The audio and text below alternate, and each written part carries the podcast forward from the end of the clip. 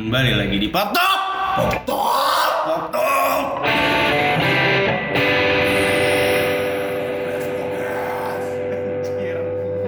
sakit anjing. Selamat datang kembali di podcast yang membahas tentang pop culture. Dari utara, timur, selatan, barat, dari musim durian sampai musim rambutan. Dibungkus dengan singkat, padat, dan kurang tepat bersama Agung, Leo, dan Hasan di Pop Talk. Pop Talk. Hampir fail tadi ya. Bukan hampir bro, ini udah ke-17 kali ini. Seperti janji kita kemarin di episode yang terakhir tentang apa ya perjalanan horor lah dan thriller di Indonesia. Sekarang kita masuk ke segmen baru guys, Segmen baru. Yaitu segmen olahraga. Asik. Yoi, SKJ, SKJ. Betul banget. Sekarang kita bakal bahas yang apa ya olahraga yang paling digandrungi oleh seluruh umat manusia sampai umat Mars anjing. Yep.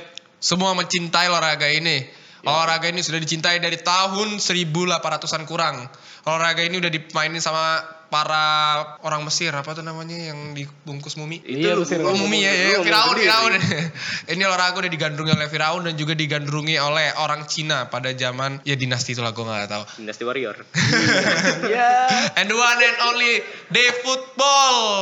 Football. Kita Football- bakal football, bahas tapi football yang sepak bola ya. sepak bolanya, makanya football kan. Iya. Bukan sepak bolanya Amerika bukan boy? Iya, bukan yang bukan megang retard, telur. Iya, bukan ini Bukan tuh. yang megang telur. Kasih background dulu kenapa kita bahas bola tiba-tiba nih. Oh, kenapa? Ya, mungkin Kenapa? karena Kenapa? itu tuh salah satu cabang olahraga yang masif. Masif. Yang semua orang tuh bisa nerima. Betul. Dan sampai seorang ibu gua pun suka gitu nonton bola dulu katanya pas masih kecil. Iya, iya. Dia kan lahir di Surabaya ya, bonek mania keras dia jadi pecinta Surabaya, apa pecinta Persebaya. Dan kebetulan juga di Indonesia pencinta sepak bola tuh juga banyak. Benar. Selain bulu tangkis. Dan di Indonesia juga nggak nggak nggak di Indonesia doang sih sebenarnya ya di sampai di seluruh penjuru dunia Iya, iya. sepak bola tuh kayak punya impact kayak tersendiri Iya, gitu iya, iya. kayak dari Argentina yang memberi apa membuat agama baru Emang ada? ada yang Maradona Tuhannya Oh, alah. ada juga di Brazil juga ada eh, Pele Tuhannya dan juga olahraga bola ini juga yang menjadi suatu peperangan juga bisa memicu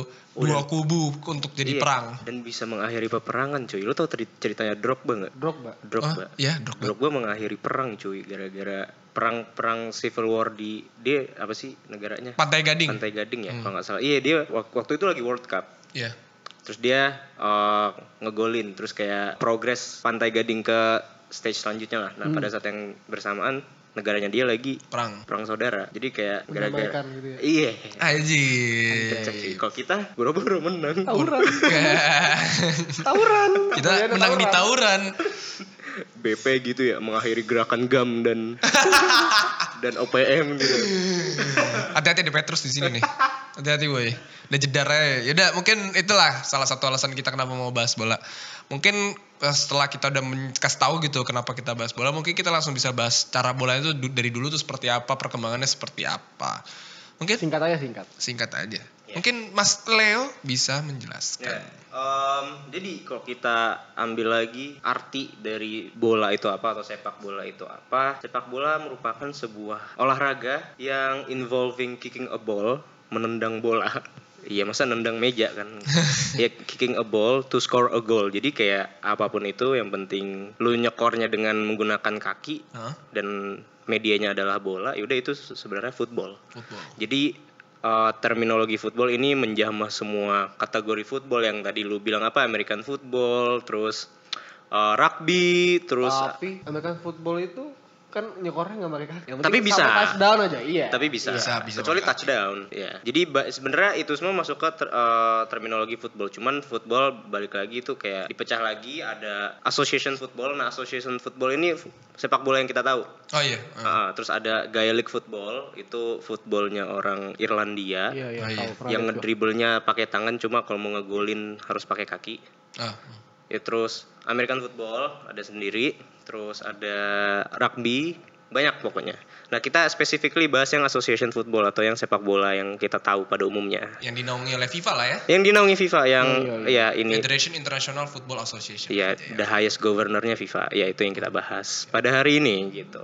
Nah itu kalau secara definisi ya. Nah mungkin kalau sejarah ini kan kalau sejarah banyak ya tadi. Banyak banget. Tadi, tadi lu kan ngomong sampai Firaun penalti kan lawan lawan Barca. Jadi kayak- jadi gue coba ambil dari satu tempat yang memang atau satu daerah yang kultur bolanya kenceng yaitu daratan Britania Raya kayak Asik. gitu. Jadi kalau asal usul sport ini dari mana sebenarnya masih simpang siur sih maksudnya kayak tiap tiap daerah bisa gue bilang punya Mengakuinya gitu lah. Iya, Hmm. kayak gitu. Cuman kalau yang membawakan banget sport ini menjadi yang kayak sekarang itu menurut gua dari sejarahnya Football Association atau FA. FA kayak PSSI-nya Great Great Britain lah. Great Britain ya bukan Inggris doang. ya? Great Iya, Britain. Great Britain. Pada saat itu masih Great Britain nih. Iya pada saat ya kayak gitu. Jadi pada saat itu di eh, eh, tahun 18 berapa ya? 18 8 1890 Lupa gue lupa gue. 1880 sekianan lah itu Football Association terbentuk dan jadi model turnamennya ini jadi tuh udah ada turnamen dulu dan itu yang ngebikin Football Association. Dan pada saat itu kayak masih banyak uh, regulator-regulator lah yang jadi nggak cuma FA aja nggak cuma Football Association aja. Jadi nggak satu gitu ya? nggak satu nggak pakem. Hmm, kalau kayak Indonesia kemarin Kayak gitu sempat kan yang tahun 2014 apa yang ada regulasi liga ngikutin FIFA sama ngikutin PSSI nah ini kayak gitu modelannya lah. Cuma bedanya itu 2014 kita ya Inggris 1880-an jadi kita ketinggalan 200 berapa dekade ya. Ya berarti kita bisa satu abad Dunia 100 lebih. tahun lagi lah ya. Iya, ya, Kira-kira ya. ya itu. Terus gue mau juga cerita kenapa bola menjadi sebuah professional sport pada saat itu yang menjadi the first bisa gue bilang the first professional footballer adalah ada orang bernama Fergie Suter. Scottish ya? ya iya dia orang Skotlandia. Jadi pada saat itu dia jadi kultur bola zaman dulu di Inggris itu kayak mereka tuh nggak dibayar dulu. Mereka tuh kayak pekerja eh, industri lah pekerja factory gitu lah. Iya, iya. pekerja factory yang di mana bola itu biasanya dimainin cuma weekend. Yang weekdaysnya itu para pekerja gunain untuk kerja nah weekendnya itu kayak satu kota. Jadi misalkan kayak kota Blackburn misal. Jadi lima hari mereka kerja weekendnya mereka semua ngumpul disatukan dengan bola gitu. Oh iya. jadi kayak pemersatu bangsa lah bisa gue bilang. Iya dan itu sem- semuanya kayak begitu di seluruh dataran Inggris atau Britania Raya. Nah pada saat itu jadi semuanya tuh sentrisnya lok pemainnya tuh lokal ngerti gak sih? Jadi kayak yang gue tangkep ya. Jadi gue tahu in yang gue gunain referensinya adalah mini seriesnya Netflix yaitu The English Game. Jadi dari series ini tuh nyeritain kalau sejarah bola itu klub itu tuh per kota satu Oh iya. Per kota satu dan tapi nggak harus maksudnya per kota satu tapi itu banyak factory gitu loh. Fergie Suter nih kan gue bilang tadi orang Scotland kan. Nah pada saat itu tuh tuh aneh gitu loh kayak eh, lu orang Scotland dia ngapain main bola di mari gitu loh. gitu. Jadi Fergie Suter ini kayak di kayak di, dibeli dalam tanda kutip pada saat itu digaji untuk main bola di salah satu klub bola namanya Darwin. Darwin ini itu sebuah klub bola yang berlokasi di utara Inggris. Jadi kayak Blackburn, Blackpool sebelah situ sebelah situlah Oh iya. Dekat Wales itu ya berarti. rada atasan sih, rada ya rada atasan. Nah, cuman kan si Fer- Fergie Suter ini orang Scotland kan, jadi kayak ini apaan sih gitu. Jadi ya itulah intinya kayak the first professional footballer itu dari Fergie Suter itu sendiri. Nah tapi perlu disebut juga nih, kalau si FA itu masih eksklusif buat kalangan atas-atas doang. Iya, heeh. Eh, jadi itu pada saat itu apa ya? Eh, kan football itu kan masih dianggap jadi sebuah permainan ya, Iya. bukan sebagai eh, mata pencaharian. Oh iya. Nah, makanya itu si FA itu kayak ngeregulasi kalau misalnya pemain tuh nggak boleh dibayar, Hmm. Oh iya. nggak boleh dibayar. Iya, jadi asal pemainnya tuh harus dari factory tersebut. Iya iya, pure Factory competition doang, nggak boleh ada bayar-bayaran. It's just a game gitu. Mm-mm. Nah tapi ya gara-gara Fergie Suter itu datang ke Darwin, Iya. eh, tiba-tiba gitu kayak bikin bikin apa ya, bikin bikin meningkatkan kualitas si Darwin itu karena emang si Fergie Suter ini jago. Jago. Itu plus ditambah eh, Fergie eh Fergie Suter itu kan dari Scot Scotland Iya. dan gaya permainan Scotland tuh beda sama yang di Inggris. Mm-mm. Jadi dia tuh ngebawa sepak bola dari Scotland Scotland ke Inggris. Yang lebih modern lah ya. Iya iya. Lebih, heeh. lebih berkualitas. Ah. Ya singkatnya sih kayak gitu mungkin ya kalau untuk sejarah profesional football ya. Jadi diawali dengan Fergie Suter yang di mana itu kayak menimbulkan dia kayak mendisrupsi sistem FA yang sehingga kayak pada akhirnya FA kayak yaudah nggak apa-apa pemain kalau eh, maksudnya pemilik klub bisa beli pemain dari daerah lain gitu dan itu kayak nge-shape sampai sekarang gitu. Dan menur- menurut gue tuh dari titik situ adanya profesional footballer, menurut gue itu jadi apa ya kayak orang-orang tuh lebih berdedikasi, lebih banyak ngasih effort untuk ke permainannya Mm. supaya dia menjadi lebih baik. Makanya eh, permainan sepak bola sekarang tuh selalu berkembang kan, Iya. selalu makin bagus makin bagus kan. Dari permainannya, dari taktik sampai dari ini fisik mainnya, Hmm. ya kan. Ya, ya. Itu bisa dibilang kayak dari sejarahnya bola pada apa ya? ya pop kulturnya bola gak sih kayak zaman dulu bola bisa Iya. terkenal diawali dari Liga Inggris itu kan? Bukan Liga Inggris ya. Sebenarnya Liga Industri gak sih Pak jatuhnya Pak? Iya, Iya, karena- sparring antar pabrik bisa gue bilang. iya, iya, iya. Spa- Sparring antar pabrik bisa gue bilang dulu tuh. Terus juga di kan gue juga nonton eh, di English game juga tuh. Gue juga notice kalau pop culture terbentuk dari football itu karena rivalries. Iya betul. Uh.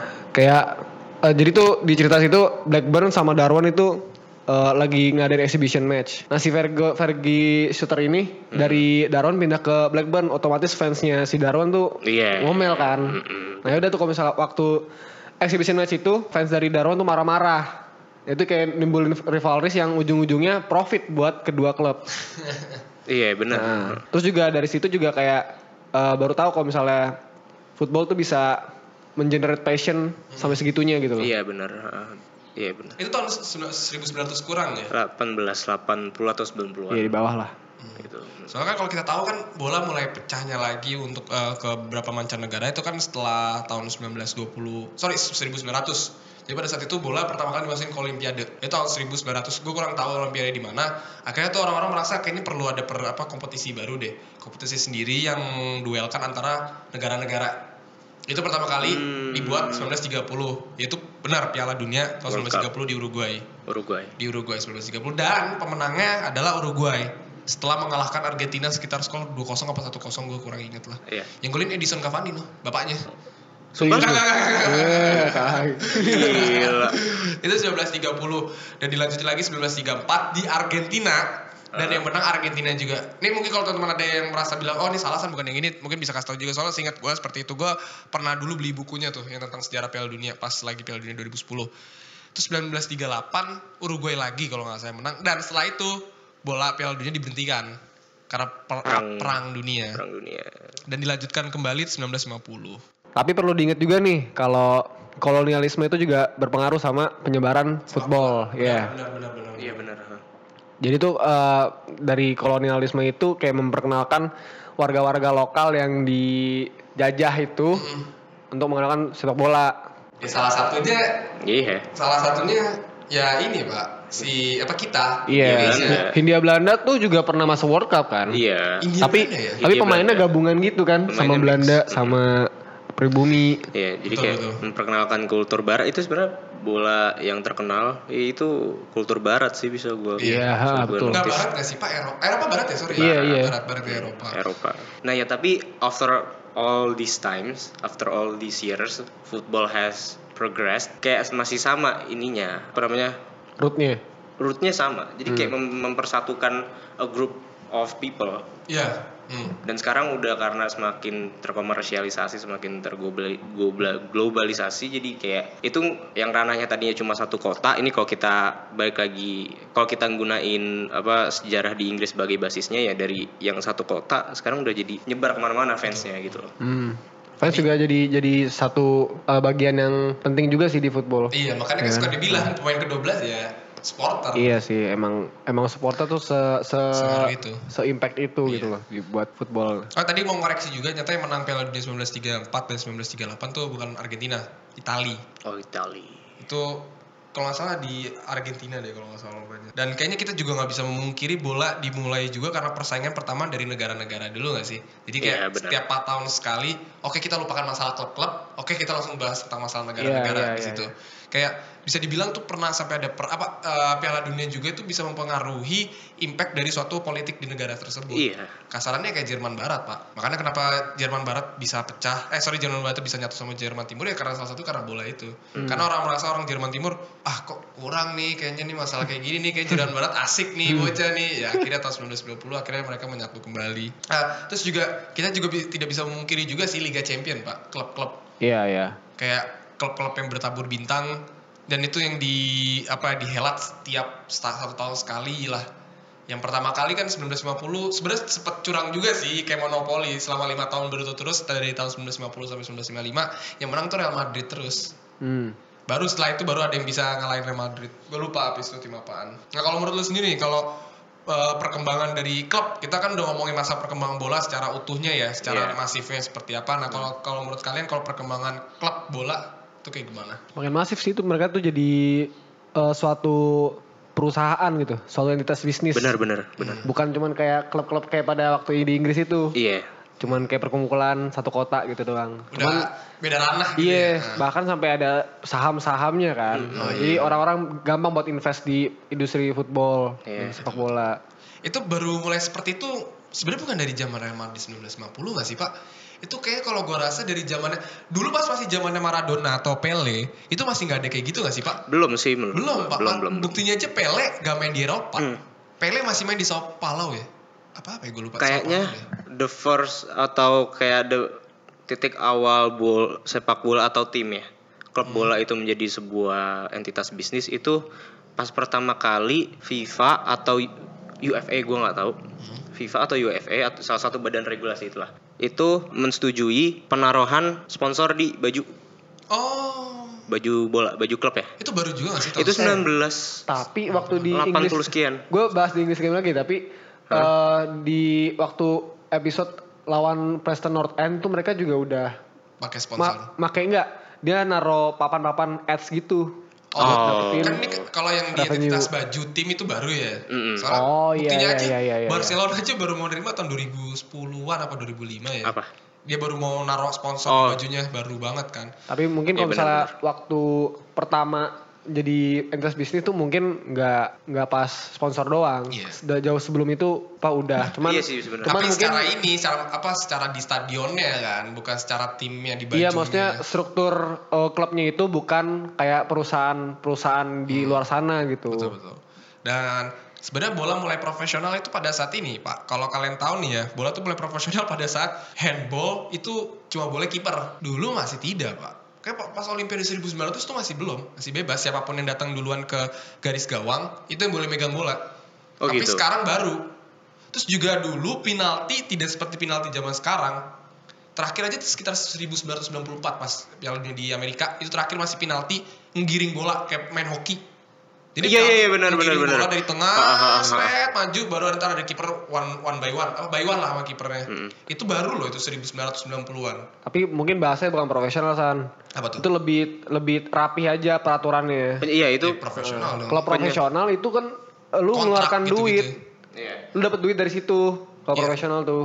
Bisa sih, bisa sih, bisa, bisa sih seperti itu. Tapi ah, maksudnya regulasi yang udah ada mulai makin jelas kan di Iya, pemerataan. nah, lebih fair juga. udah mulai fair juga kayak seperti itu dan sekarang pun gara-gara bola juga sudah mulai bisnisnya kencang orang-orang cuma tinggal butuh duit dan bisa ngebuat tim jadi jago sekarang kan ada regulasi baru yang dari UEFA yang masalah transfer transfer itu loh tau gak lo yang gitu Hmm. itu pancit hoki banget ya nggak pernah kena kena anjing gue kesel banget City. Ya, City ya itu namanya kan financial fair play itu baru Financial fair baru play. baru banget 2010-an paling 2000-an ya. Iya do- baru dekade kemarin. Itu buat membatasi apa harga-harga pemain yang melonjak sih. Mm-mm. Ya kalau kita ngomongin transfer ya, menurut gua mega transfer yang pertama kali ada itu sekitar tahun 1090-an pas zaman Roberto Carlos pindah dari mana ke mana ya gue lupa ya. Pokoknya dia pindah ke Carlos. Madrid. Iya kayak rootsnya orang Latin Amerika sih sampai sekarang. Itu kayak eh, pertama beberapa orang pertama yang beberapa orang pertama Latin yang masuk ke Eropa gitu ya. Iya. Dan dia juga apa ya punya sejarah juga kan di Brazil pada saat itu tahun 2002 Himike menang Brazil di Piala Dunia Korea Selatan dan Jepang ya kalau nggak salah ya. Nah. Nah tapi ya tentang karena bahasnya lagi mega-mega transfer ya. Nah kayak bola sekarang maksudnya tadi yang udah sempat kita singgung juga sekarang udah jadi kayak sebuah bisnis gitu loh. Jadi pemain itu udah kayak jadi produk Iya. dijual dengan harga mahal kayak gitu. Sampai titik awal itu pas Neymar ke PSG Oh, dia dibeli 222 juta euro. Sebelumnya paling mahal Gareth Bale. Sebelumnya lagi CR. sebelumnya CR ya oh enggak. Bale Pogba Pogba Juventus ke MU terus baru si Neymar. Nah Neymar karena anjir 222 pak. Si Pogba cuma 8 Pogba 100 kalau euro ya si Neymar segitu anjir dan semenjak itu sekarang kayak pemain-pemain kalau kalau misalkan nih Arsenal beli pemain siapa gitu tapi harganya ya dibeli cuma 10 juta itu pasti kayak orang-orang India atau orang eh orang orang India maksudnya orang-orang maksudnya pemain-pemain yang yang enggak cadangan lah. Jangan pun cadangan, Pak. U21 anjing kayak. Itu loh. Jadi padahal zaman-zaman segitu MU dulu dapat Van Persie 20 juta. oh iya. Hmm. Walaupun di akhir kontraknya memang. Cuman tetap aja itu untuk seorang superstar 20 juta, Pak. Hmm. Neymar anjing. Ya, dari situ- 222 juta. dari situ jadi 22. naik-naik terus ya. Iya, semenjak itu kayak Iya, Pak. langsung kayak roket. Tapi kalau misal eh, ngomongin harga pemain eh, dari selain dari pemainnya itu agennya itu juga ngaruh pak. Iya, benar. Iya, iya, iya. Agen. Eh, agen sama klubnya kayak wah nih kayaknya yang ngincar dia nih klubnya gede nih punya duit banyak gua peres lah gitu. Sama ini juga Pak kontrak klausanya kayak kemarin tuh Messi kan yang paling akhir-akhir ini masih matang Messi sebenarnya banyak juga yang mau beli cuma kontrak klausanya ratusan juta. Tapi menurut gue itu 300 gitu. salah satu cara klub untuk menjaga pemainnya. menahan pemainnya betul. Cuman nggak manusiawi. Jadi kayak ibarat gini, lu kayak mau cabut pak. Lu udah, ya maksudnya ini apa? Ini karena relationship itu kan ya timbal balik antar dua pihak. Iya. Kalau kita ngomongin Messi kan berarti hubungannya timbal apa? Timbal baliknya Messi ke Barca, Barca ke Messi, ya kan? Betul. Kalau ketika Messi rasa kayak anjir gue, gue udah lama di sini, gue udah ngasih banyak juga, gue kayak udah pemain top scorer di liga ini maupun di apa di klub ini, kayaknya gue udah give gave my all deh, kayak gue harus cabut gitu loh. Cuman Barca for some reason kayak kenapa gitu loh, kenapa kenapa lu nahan Messi gitu loh maksudnya. Tapi sebenarnya kalau misalnya Pelanggaran HAM anjing. Tapi sebenarnya kalau misalnya Messi itu berani buat apa ngelanggar apa yang dikontrak, menurut gua bisa dia punya bargaining power menurut gua. Kayak misalnya dia menolak untuk main gitu loh satu musim, boleh aja menurut gua. Gabut setahun. Ya tadi kita nih udah ngomongin Messi juga ya. Kalau itu kan baru kita ngomongin secara universal pak. Tadi kita udah ngomongin di Inggris seperti apa. Kita udah ngomongin Piala Dunia seperti apa di negara. Dan kita juga udah ngomongin bagaimana impactnya si Piala Dunia ini, eh impactnya si football ini ke halayak banyak kan. Nah sekarang kita masuk lah ke segmen kita ngebahas bagaimana bola mengesep apa ya pop kultur kita lah. Kayak bola ini udah ngebuat kita apa gitu dalam dunia sosialisasi dengan teman-teman. Dan bola udah kayak ngerubah diri lu, nge-shape diri lu seperti apa gitu. Menurut gua sih yang paling berdampak tuh pertama kali itu dari lingkaran pertemanan. Anjay. Kayak Apa? lu lingkar pertemanan. Oh lingkar pertemanan. Kayak lu waktu kecil tuh nyari temen, ya lu join lah main bola gitu. Ter lama-lama kenal, kenal, kenal. Itu menurut gua. Terus juga sama menggunakan olahraga sih buat gua. Nah, Kayak iya. gua tahu, oh nih ternyata asik juga nih, capek juga, bikin sehat gitu. Kalau lu, kalau lu le, Kalau kalau gua gimana bola nge-shape pop kultur gua maksudnya kayak mindset gua akan sepak bola apa ya awalnya itu ya kan gue fans MU ya hmm MU Ah, apa 61? 61 Apa 61? eh, Liverpool juga 72 ya ya nggak ada Liverpool di sini, Pak. cuman ya udahlah lanjut nah eh, ya gue dulu ngefans MU gara-gara Rooney lah pokoknya per tahun-tahun 2008 lah tuh. Zaman zaman CR Tevez Rooney masih di MU semenjak itu gue kayak lebih tahu bola lagi terus eh itu bisa menjadi kayak bahan tongkrongan lah buat teman-teman lo gitu loh. Kayak misalkan nih ya, game week taruhlah kita ngomong Premier League kayak misalkan game week ke 30 misalkan yang main MU lawan Chelsea misal. Terus kayak lu ngumpul gitu kelarannya kan malam biasanya main kan dan dulu bocah lu kalau misalkan eh, kalau kita ngomong 2010-an gue masih bocah kayak lu nggak mungkin nonton kan kayak pasti besokannya lu langsung kayak ye gitu maksudnya kayak kayak lu masuk ke kelas nih misalkan MU kalah deh sekelas yang cowok pasti Ih, kalah. Padahal cuma nonton nonton highlight di Sport 7 doang. iya, pagi-pagi Sport 7 sama lensa olahraga sebelum berangkat itu. Iya, iya. Iya. Dan itu sampai sekarang kayak gitu gitu loh. Masih nge-save seperti itu ya. Iya. Walaupun lu udah kuliah pun ya ceng-cengannya pasti minimal lu ngecengin bola gitu kan, ngecengin klub lu. heeh. Dan somehow itu asik ya. Asik. Kayak ngerendahin orang lebih rendah gitu loh aja. Iya. Lu ngatain orang tua kurang kalau ngatain klub lu kalah. Iya, iya. Dan itu salah satu wujud kita orang Indonesia sefanatik itu Betul, Pak. akan bola, Karena di akan shape seperti itu. akan olahraga ini gitu loh. Dan itu yang sebenarnya kenapa nggak kita terapkan untuk klub bola lokal kita gitu loh. Kalau gue yang bener-bener yang nge-shape bola untuk gue tuh paling awal ya karena gue masih bocah itu kan kebanyakan me and the boys lah. Jarang me and the girls. Masih me and the boys. Jadi kayak kalau kita ngomongin bola tuh manly banget pak. Jantan. Terus kalau apa pun lagi istirahat kelas. Iya. dari SD gue sampai SMP SMP tuh puncaknya gue main futsal terus main bola. Pagi sebelum masuk kelas main bola istirahat pertama main bola jam 10 istirahat kedua jam 12 main bola pulang sampai jam 5 sore main bola literally pas kelas 2 gue seperti itu karena this game is so manly gitu buat kita kita kayak nih game nih jantan nih I love this game. apalagi tubuh lu atletis kan gue nih wah ini tubuh gue nih tubuh olahragawan pak jadi gue harus main bola terus anjing Hmm. dan juga dan juga bola itu nge-shape kita tuh ya itu tadi masalah ngeceng-ngecengin masalah Iya. dignity your Iya dignity. harga diri lu dignity tuh harga di diri. bola. Bener bener. Lu bener. gue pernah sampai beli PS dan gue beli kaset pertama itu FIFA Pak. Iya. karena gue tahu gue pasti kalau main FIFA dan main online sama temen gue wah itu pasti bakal seru banget Mm-mm. kita gimana ngeceng-ngeceng ini terus gimana kita menang dan anggapan ini ya Chelsea lagi kalah nih lawan Liverpool ah gue bantu ya di FIFA gue pengen balas dendam ya kita bantunya di FIFA gitu nggak mau kalahnya di FIFA jadi menurut gue juga dan gue juga di bola itu juga apa ya memperekatkan diri gue ke om gue merekatkan diri gue ke saudara gue Iya, ke gue karena ya omongan yang satu yang me and the boys pasti Hmm, hmm, semua bakal hmm. masuk di bola Iya. dan gue masih ingat banget gue setiap Sabtu Minggu jam 2 gue pasti selalu nonton One Stop Football Iya, pas one stop football. Highlights. Literally gue udah Highlights ah, highlights. Udah fix gak boleh ada yang ganti Bapak gue datang gak, gak boleh nonton Harus gue nonton tuh One Iya, Stop Football One aja Stop Football. Tapi lucunya sebelum One Stop Football kan ada ini kan Galeri Indonesia Kan Ah. ada yang nonton aja Galeri, Sepi banget galeri sepak bola Indonesia ya. Siapa yang peduli sama bola Indonesia anjir zaman dulu tuh. Gak ada anjir. Tapi balik lagi ke skena sepak bola di Indonesia. Iya. Menurut menurut kalian nih, Ya kenapa eh, kita tuh lebih mengidolakan sepak bola sepak bola luar?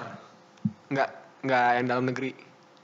Kenapa? Gue jujur ya Iya. Kalau Liga Indonesia pamor Gak goblok sih regulasinya Gue pasti bakal nonton, nonton terus pak Iya. Sorry gue ngatain regulasinya goblok sorry banget ya Iris war iris gitu loh boy Hmm.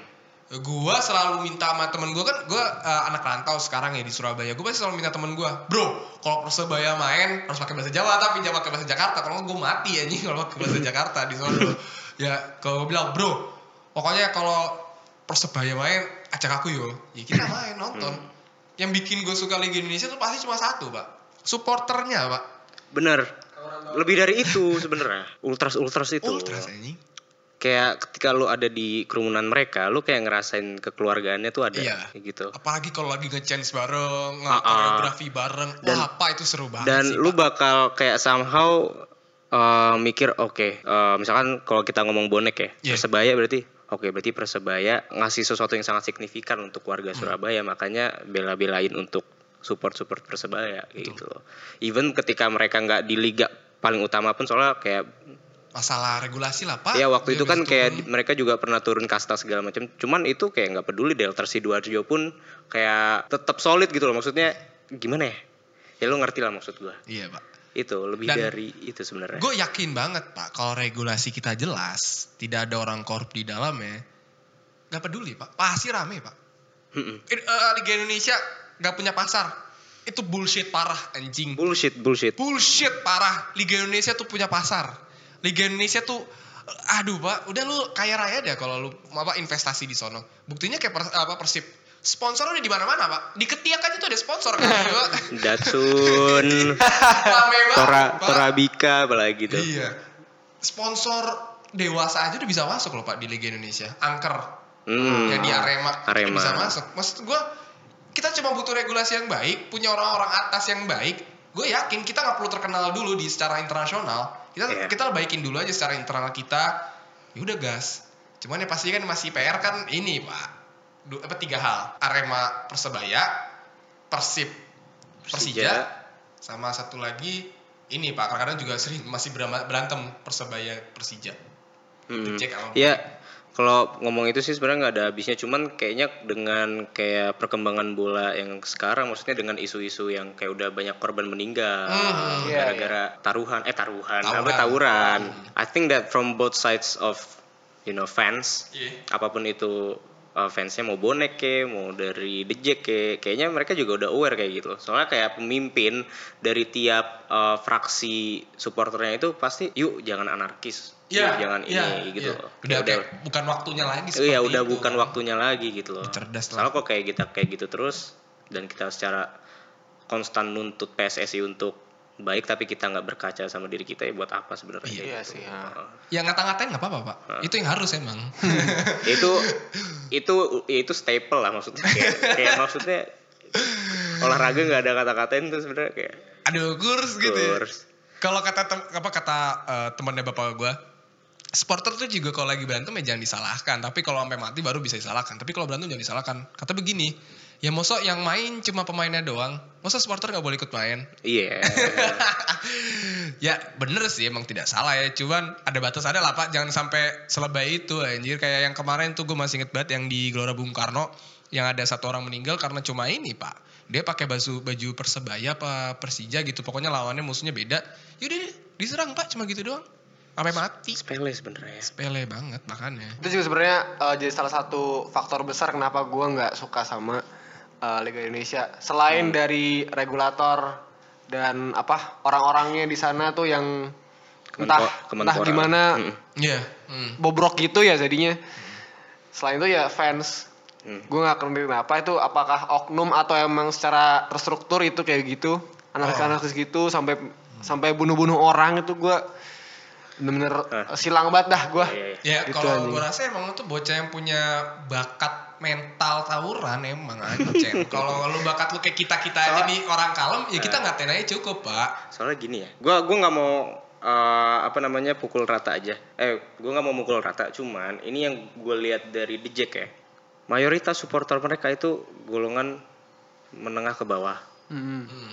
Dan menurut gua hal yang kayak begitu tuh masih kental. Ini sorry itu saya memang the bitter truth kan. Maksudnya kayak eh, hal-hal yang kayak gitu identiknya dengan eh, kelas masyarakat yang menengah ke bawah menurut gua. Iya iya iya. Jadi kayak sa- satu sisi udah mendarah daging dan dan banyak ya sebenarnya yang yang udah ya maksudnya yang udah pakai tindakan-tindakan preventif lah. Kayak ada filmnya satu apa Apa tuh? Persija sama Persib, Persib The Jack The Jack up nama nama ininya The apa? Jack versus Viking.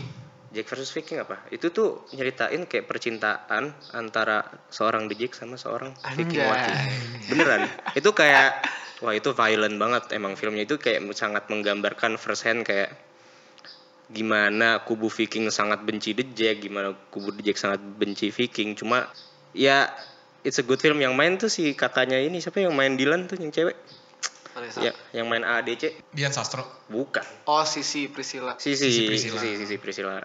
Cowoknya sih istrinya sih se- siapa tuh Tunacho yang cewek Enzi eh Ah. satunya Hesti. Hesti ya suaminya Hesti gue lupa namanya itu seru filmnya itu kayak sangat nge- ngegambarin banget udah yuk stop the violent yang kita punya gitu loh dan yang gue sedikit sayangkan sebenarnya hal-hal yang kayak gitu nggak dilanjutin lagi. Itu soalnya udah film udah lama 2009 2010 Wah lama banget hampir satu dekade pak. sampai sekarang kayak nggak ada lagi film yang ngangkat itu. paling filmnya Adipati Dolken Manchester apa gitu yang Ya, ada di Netflix. Pemburu pemburu di Manchester biru. iya. Gitu.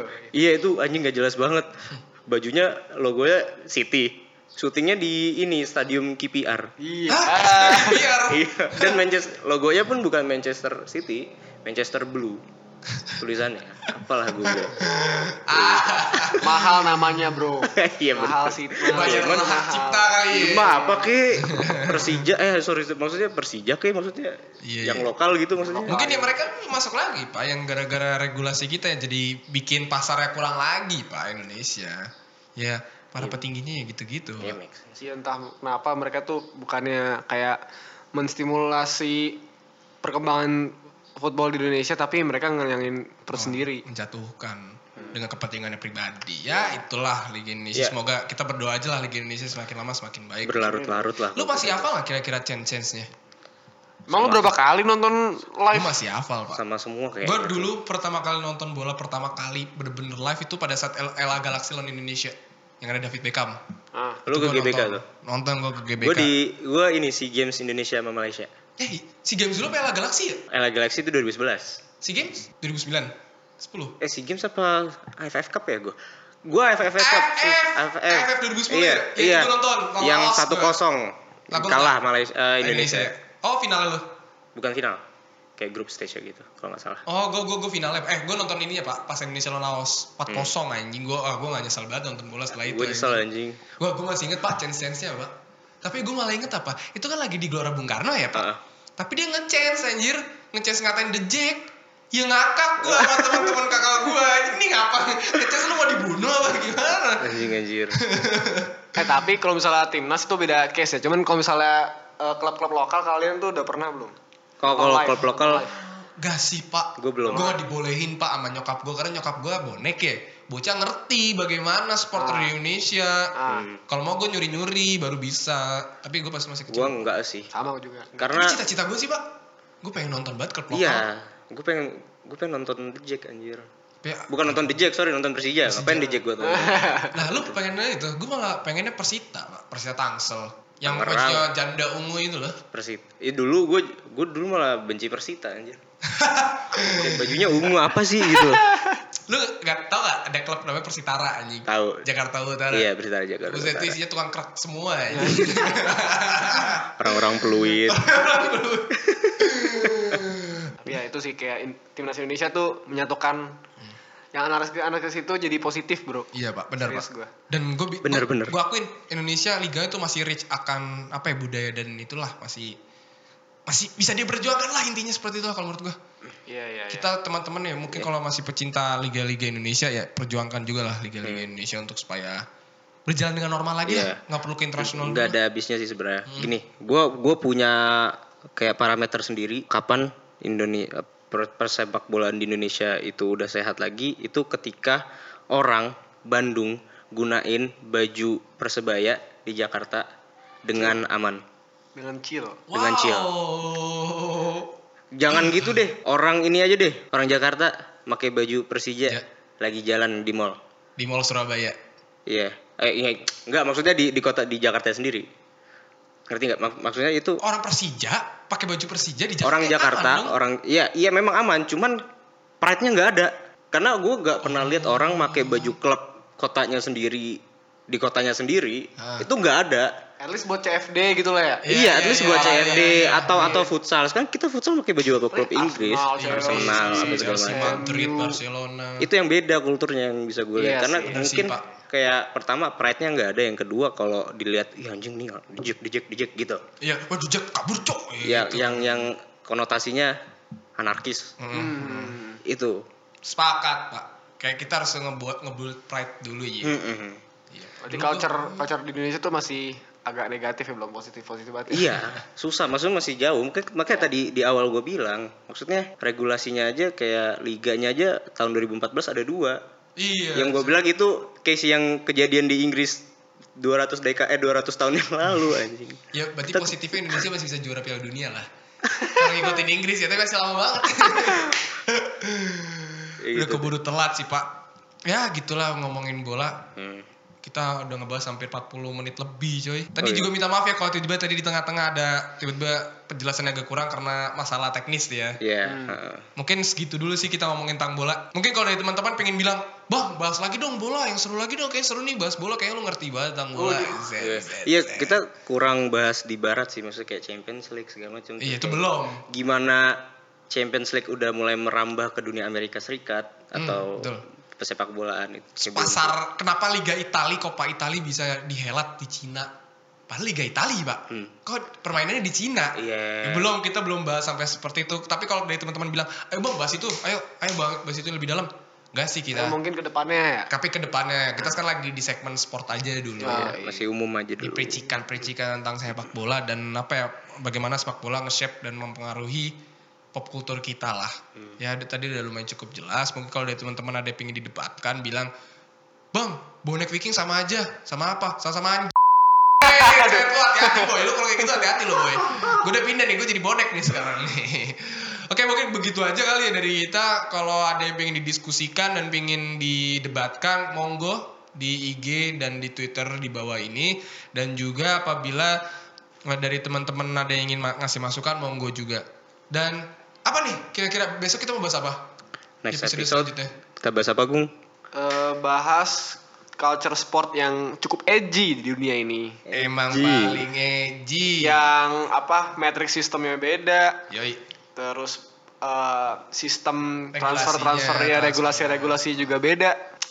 Yaitu adalah culture sport di Amerika. Amerika. Nih jujur ya, gue kalau ngomongin culture Amerika kayak pengen perlu belajar lagi karena gue cuma tahu hanya permukaan ya pak. Ya, gue juga sebenarnya cuma ngikutin NBA doang sih. NBA ya. Itu juga Gua- kayak kadang-kadang, Gue kadang-kadang malah kadang ngikutin ini pak, Eh, apa tuh yang liga American Football.